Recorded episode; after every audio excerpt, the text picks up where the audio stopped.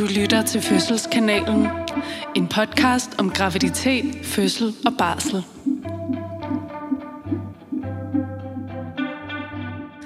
Så er det blevet tid til endnu en lille fødselshistorie. Og jeg tænker egentlig ikke, at der er så meget sådan intro at sige om den andet, end at jeg bare tænker, at jeg skal kaste mig ud i lige og læse den op for dig. Og så snakker vi lidt undervejs. Det lyder dejligt. Godt.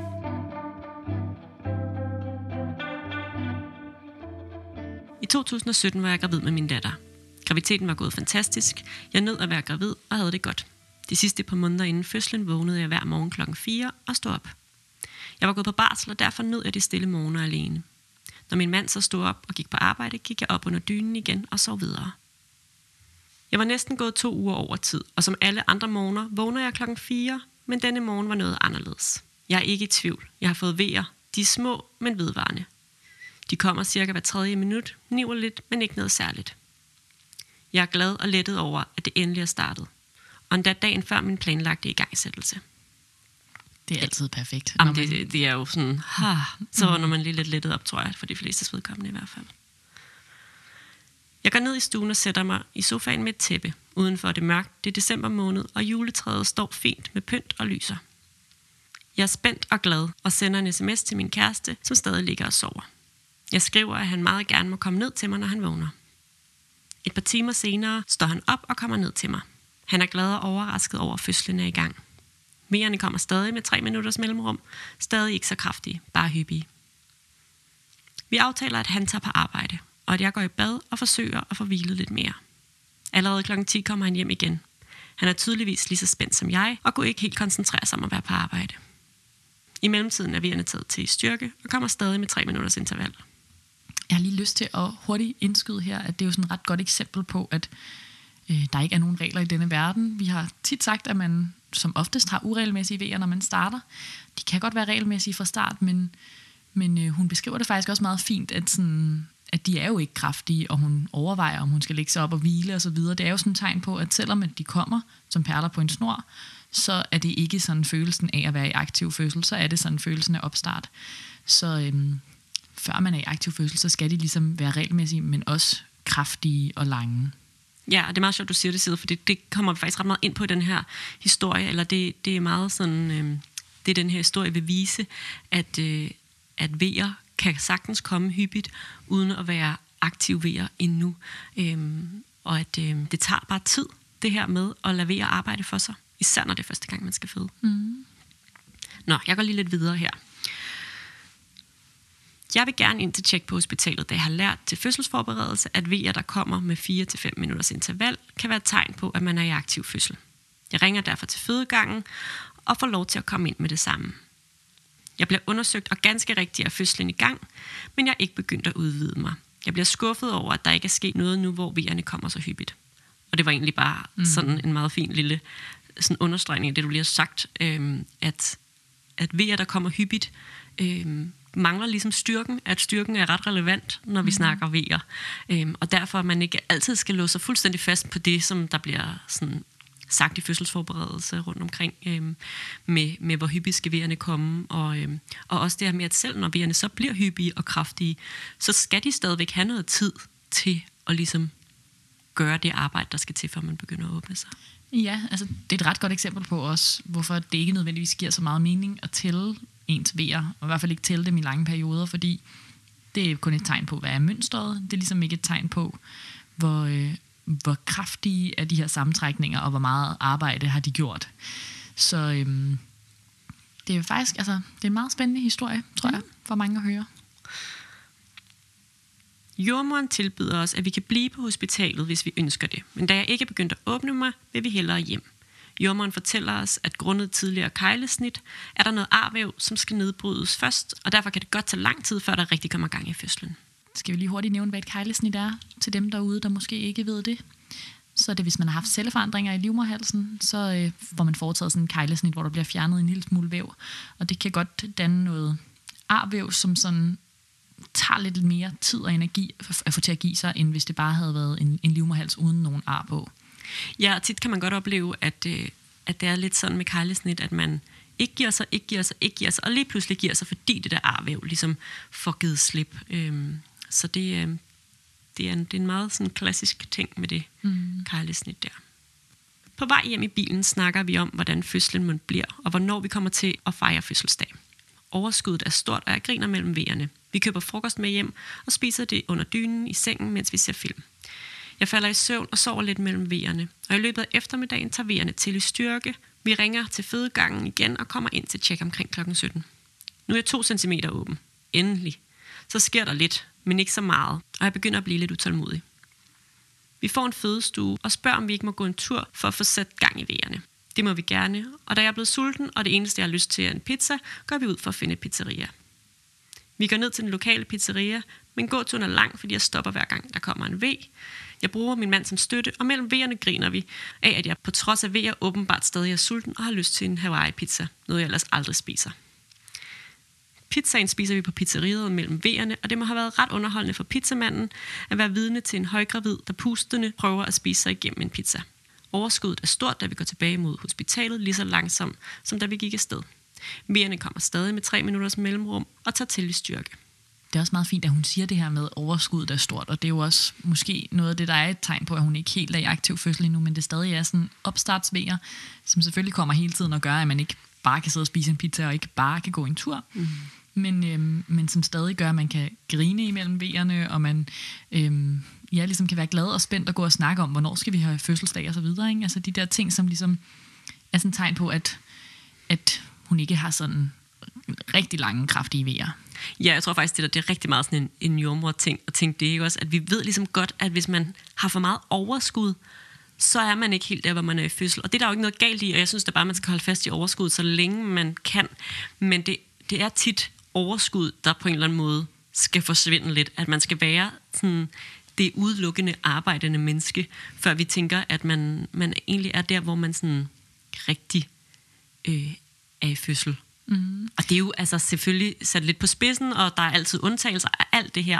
Men det er bare sådan en klassisk ting, at når man, når man når til aktiv fødsel, så, så har man ikke så meget øh, og giver imellem V'erne. Det kan godt være, man har lidt, og det kan godt være, man kan grine lidt og joke lidt, men når man har sådan en følelse af, at jeg har masser af overskud, øh, så er det som regel fordi, at vejerne ikke helt er der, hvor at de, øh, de, de tager nok af ens energi. Ja, og der sker jo heldigvis stadig noget. Det tager bare lang tid, altså fra formiddag til aften er hun blevet to centimeter. Så det er sådan et eller andet med at have fokus på, at sådan, vi glæder os, vi er glade, der er overskud, så det er okay, at tingene tager tid. Mm.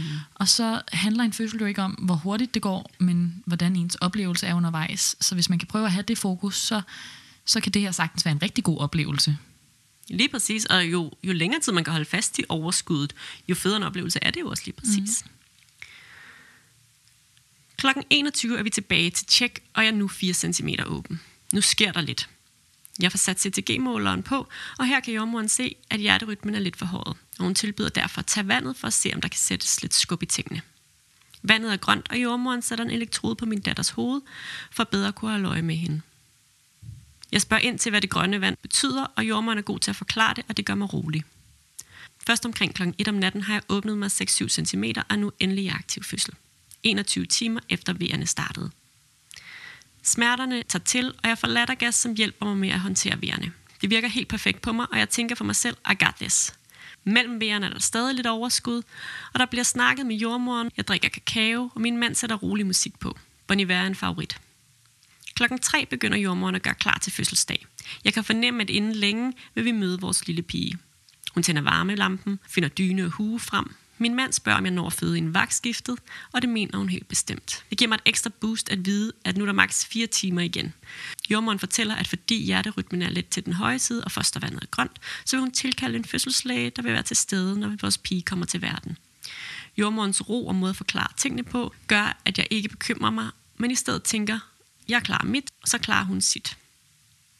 Og det tænker jeg virkelig er den bedste måde, man på en eller anden måde kan være i de der ting, særligt når de begynder at blive måske sådan lidt uden for normalområdet, og hvor der er nogle ekstra ting, jordmånd holder øje med, at man som øh, helt normal, ikke jordmorfaglig person, ikke kan være i stand til ligesom at vurdere, hvordan og hvorledes, og hvad er det her, og alle de her ting. Og vi gør jo selvfølgelig rigtig meget for at forklare undervejs, men der vil stadig være ting, som måske, altså som vi har brugt tre et halvt år på at lære på en, øh, en skole, som man ikke bare kan sådan videregive 100%. Øhm, så hvis man på en eller anden måde kan læne sig tilbage i, at der er en fagperson, der har styr på det her, og har mig, og, øh, og klare de ting, som ligesom er hendes job, og så skal jeg egentlig bare koncentrere mig om at, at håndtere vejerne. Ja, altså det er en virkelig smuk arbejdsfordeling, også fordi man altså, kan jo ikke have overskud til det hele på en gang, når man er i gang med at føde. Men det er også som om, at det virker godt, fordi jordmoren er god til at sige, fostervandet er grønt, det betyder det her, vi gør det her. Hjertelyden er lidt høj, det betyder det her, vi gør det her. Mm. Sådan så, at man ligesom fornemmer, at der bliver taget hånd om tingene, og det tror jeg, at nærmest alle vil opleve, men det kan godt være en gang imellem, at der er nogen, der ikke lige får hørt det, eller som øh, måske synes, at informationen er for sparsom, og så skal man jo bare spørge, sådan, så man føler sådan, okay, jeg ved, hvad der er, der sker, jeg kan parkere det et eller andet sted, og så kan man være i sin, øh, i sin krop og sine vejer. Ja, og det er jo også hele tiden den her balancegang med, at jo mindre man ligesom kan være op i sit hoved, jo bedre for en fødsel. Altså, så jo mere man kan komme ned i kroppen og lade kroppen gøre sit arbejde, jo bedre er det i virkeligheden. Men selvfølgelig skal man også have den tilstrækkelige information for ligesom at kunne det her med at give slip på det. Ja, det er bare så forskelligt fra person til person. Helt der er nogen, vildt. der bare tænker fra start, sådan, du behøver faktisk ikke at fortælle mig så meget. Mm. Jeg tænker, du har styr på det. Og så er der andre, som virkelig har brug for at sådan, få grundigt forklaret, hvad alting betyder for at kunne parkere det og tænke på noget andet. Ikke? Så øhm, der skal man bare sådan sige til, hvis man har brug for noget andet end det, der ligesom foregår. Helt klart. Klokken bliver 5 om morgenen, og nu er jeg træt og udmattet, og smerterne er så intense, at jeg har svært ved at være i dem. Jeg bliver undersøgt igen, og der er ikke sket nogen fremgang. Vi bliver enige om, at jeg skal have en epidural, da jeg har været i gang i 24 timer og har brug for noget energi til at klare den sidste del af fødslen. Der er lidt ventetid, og da lægen kommer, er klokken blevet 6 om morgenen. Jeg får sat mig op, og lægen får lagt blokaden efter nogle forsøg.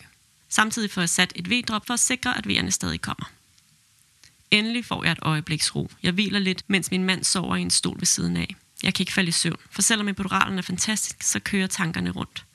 Er det her snart overstået? Bliver det værre endnu? Kan jeg overhovedet føde af noget af det, som fylder? Klokken bliver syv, og vagtskiftet kommer, men stadig ingen baby.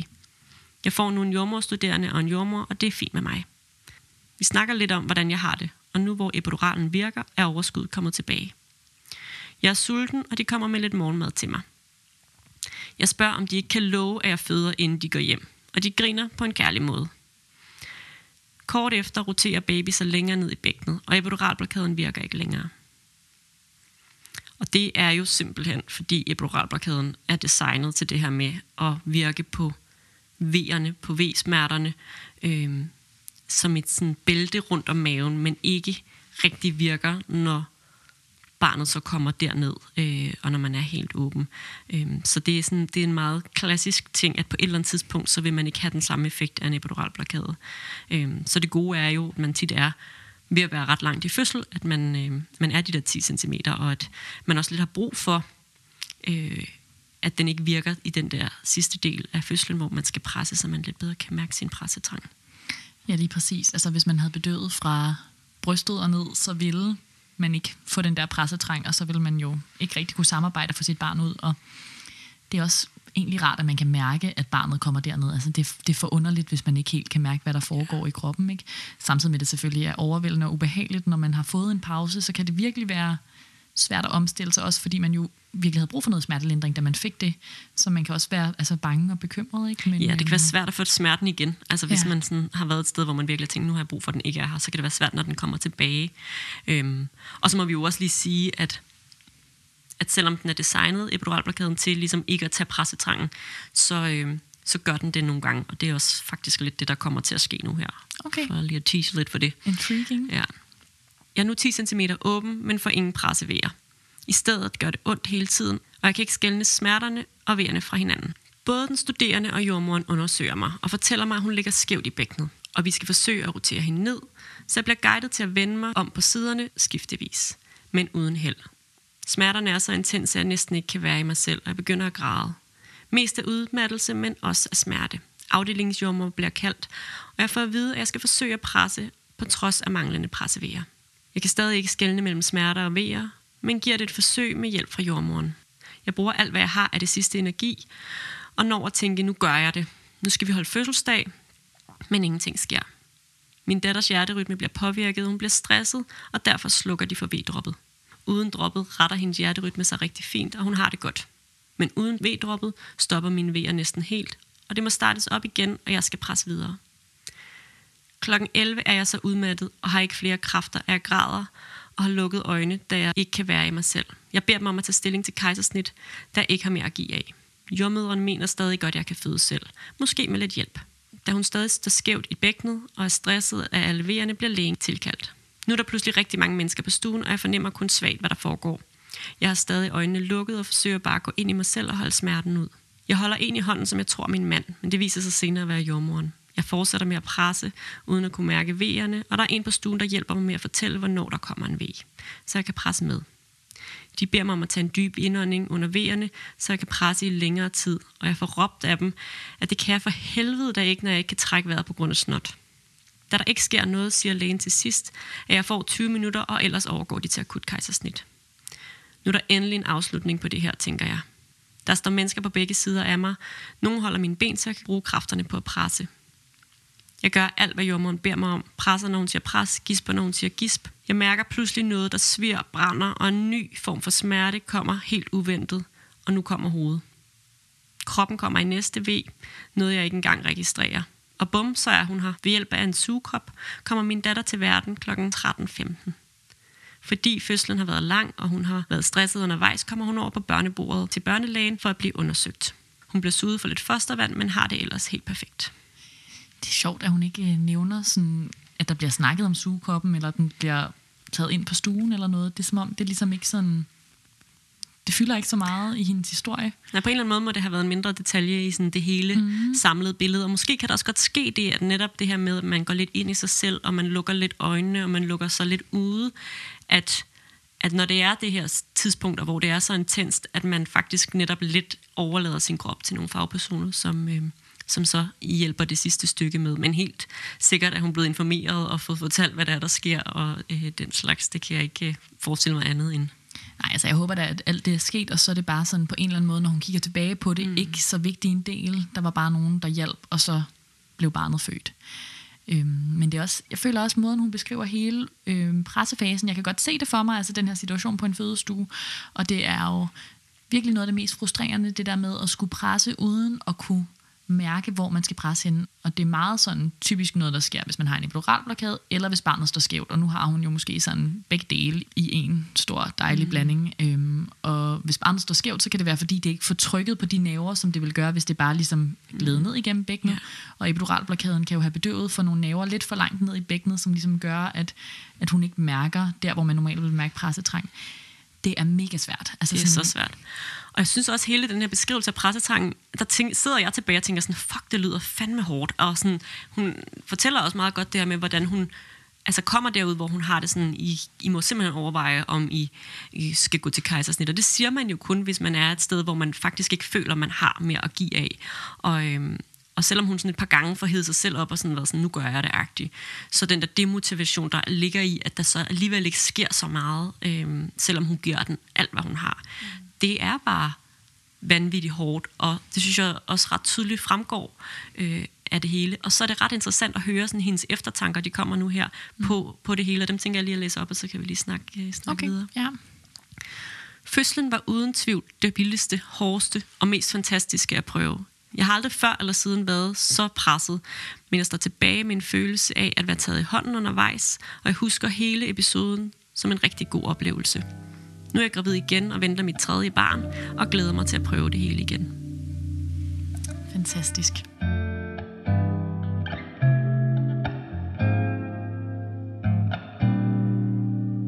Øhm, det er jo ret smukt i virkeligheden, at det kan være ens eftertanker, fordi det er jo faktisk en ret kompliceret fødsel, hun har haft. Der har både været grønt fostervand og en påvirket hjertelyd, og snak om eventuelt akut kejsersnit, hvis der ikke skete noget, men også altså, en sugekop forløsning.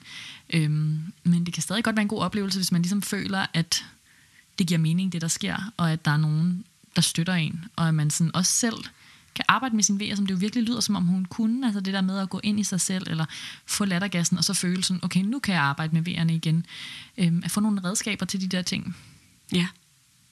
Ja, det er, øhm, det, det, og det viser jo også bare det her med, at man som, som fødende faktisk også kan, kan udstå ret meget. Altså sådan, at øh, det er altså nogle tough cookies, øh, der kommer ind i, øh, i vores butik og, øh, og føder børn, at man er fandme man er fandme sej som fødende, og, og det her sådan, hele det her formål med at få, få sit barn til verden, og kæmpe for at få sit barn til verden, det bliver på en eller anden måde en, øh, en ting, der gør, at man kan, man kan virkelig gå meget igennem for det mm. mål.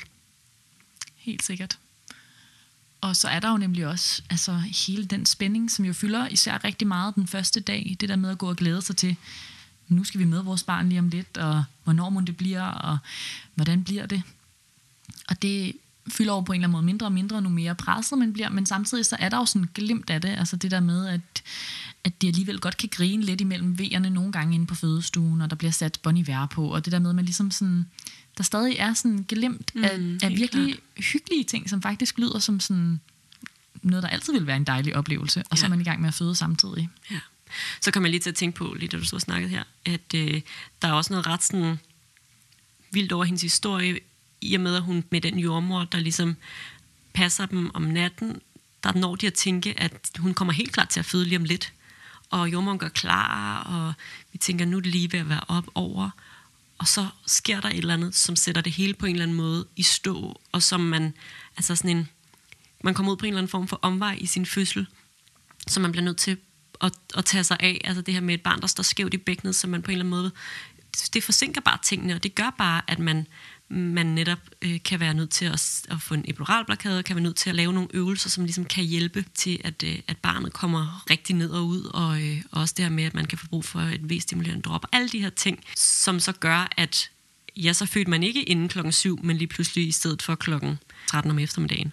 Øh, og det, det er jo bare sådan, det er egentlig ret vildt at tænke på, øh, at, at hun har været der, hvor hun tænkte, nu er det nu, nu, nu er det snart, mm. agtigt.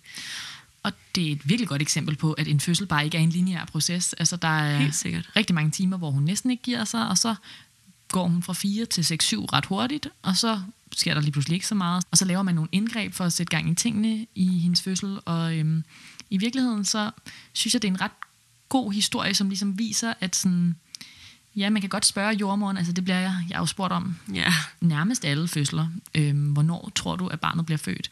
Og øh, vi fremstår lidt som sådan nogle flabede typer, som ikke rigtig vil give et svar, men mit svar er tit sådan noget, et eller andet sted imellem 2 og 12 timer. Ja, sådan, du ja, ved, ja, ja. Sådan et ekstremt stort sådan, tidsrum. Tidsspand, ja.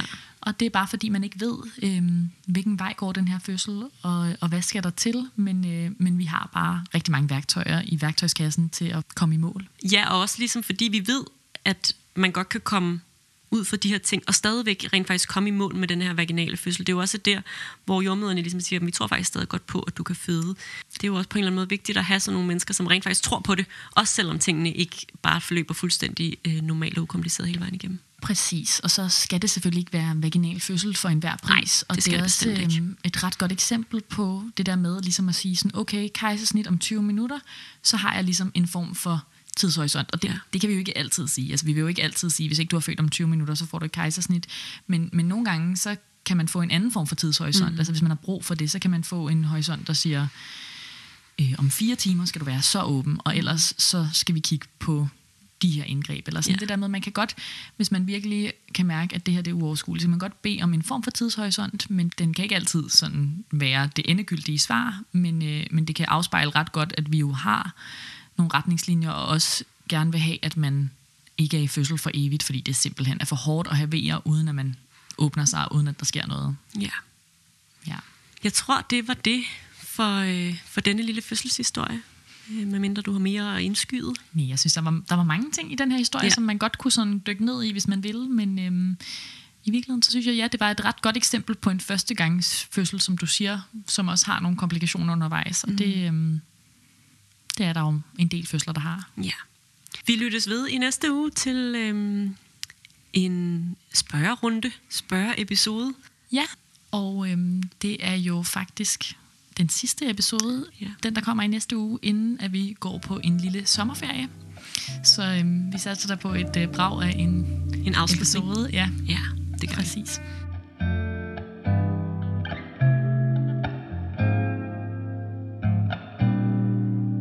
Du har lyttet til en fødselsfortælling på Fødselskanalen. Vi er dine værter, Sigrid Arnbjerg, og Frederikke Dørfler.